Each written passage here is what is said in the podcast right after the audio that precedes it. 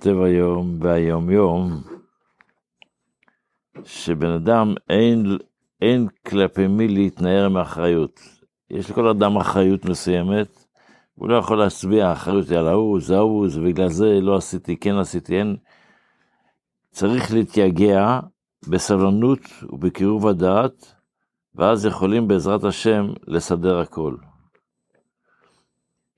בביטול הזולת והגבהת עצמו, אם בן אדם כל הזמן חי, ההוא לא בסדר, אני, אני הבסדר, אבל ההוא לא בסדר, מפסידים חס ושלום הכל. אה, זו תשובה לחסיד שכתב מכתב לרבי, ורבי מקונה לו, כותב לו, היום בבוקר קיבלתי מכתבך המהיר, כנראה הוא כתב מכתב אקספרס לרבי, וראוי לתוכחה מרובה על נפילת רוחו, רבי, כנראה היית צריך לקבל ממני מכה, זאת אומרת, קצת, לעורר אותך קצת.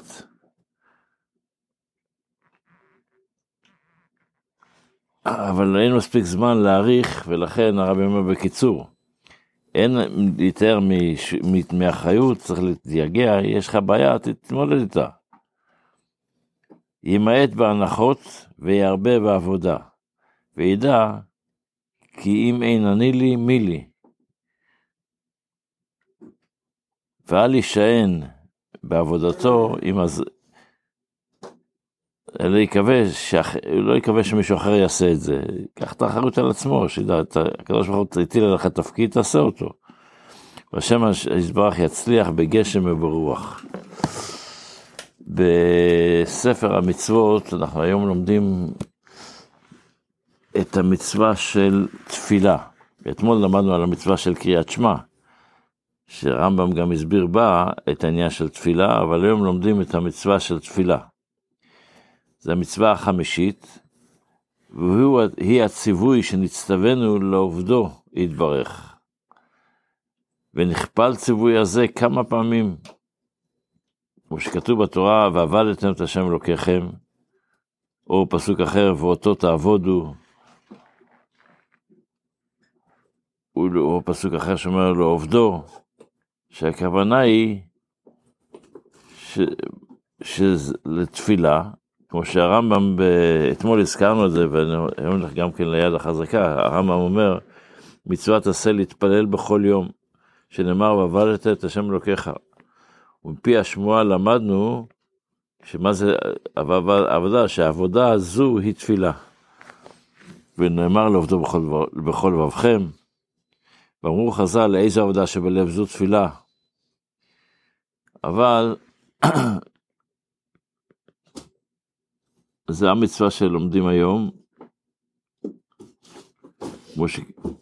ורק מה, יש, איך הרמב"ם כותב פה, אין מניין לתפילות מהתורה, יש, להתפלל יש בתורה, אבל המניין לתפילות זה כבר מדרבנן, אתמול הזכרנו את זה קצת.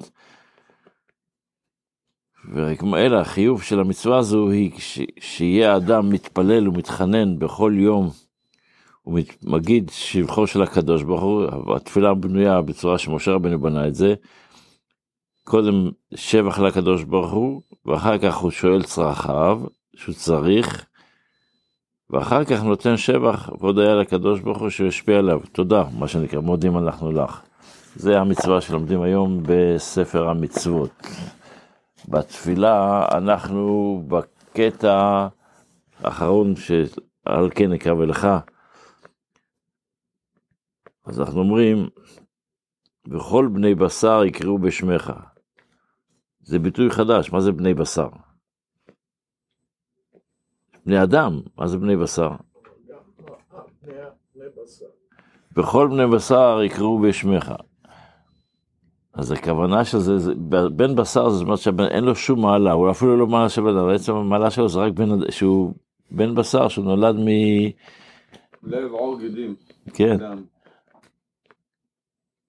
אז גם הם יקראו בשמה, אנחנו מצפים לעניין של הגאולה, אמרנו על כן נקרא ולך זה הציפייה לגאולה, בזמן הגאולה אפילו אותם אנשים הכי הפשוטים שאין להם שום, שום הגדרה של בן אדם, של משהו שיש לו רוחני, בסך הכל בן בשר גשמי, אז גם הוא יקראו בשמך, מה זה בשמך? בשם של...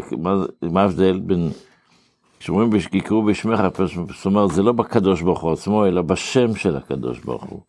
הם יכירו שיש מציאות שמנהיגה את העולם, מנהלת את העניינים, והם גם ידברו, יפנו אליו. זה בעצם הרעיון של העניין הזה, שנזכה גם כן לראות את זה בעיניים בקרוב ממש.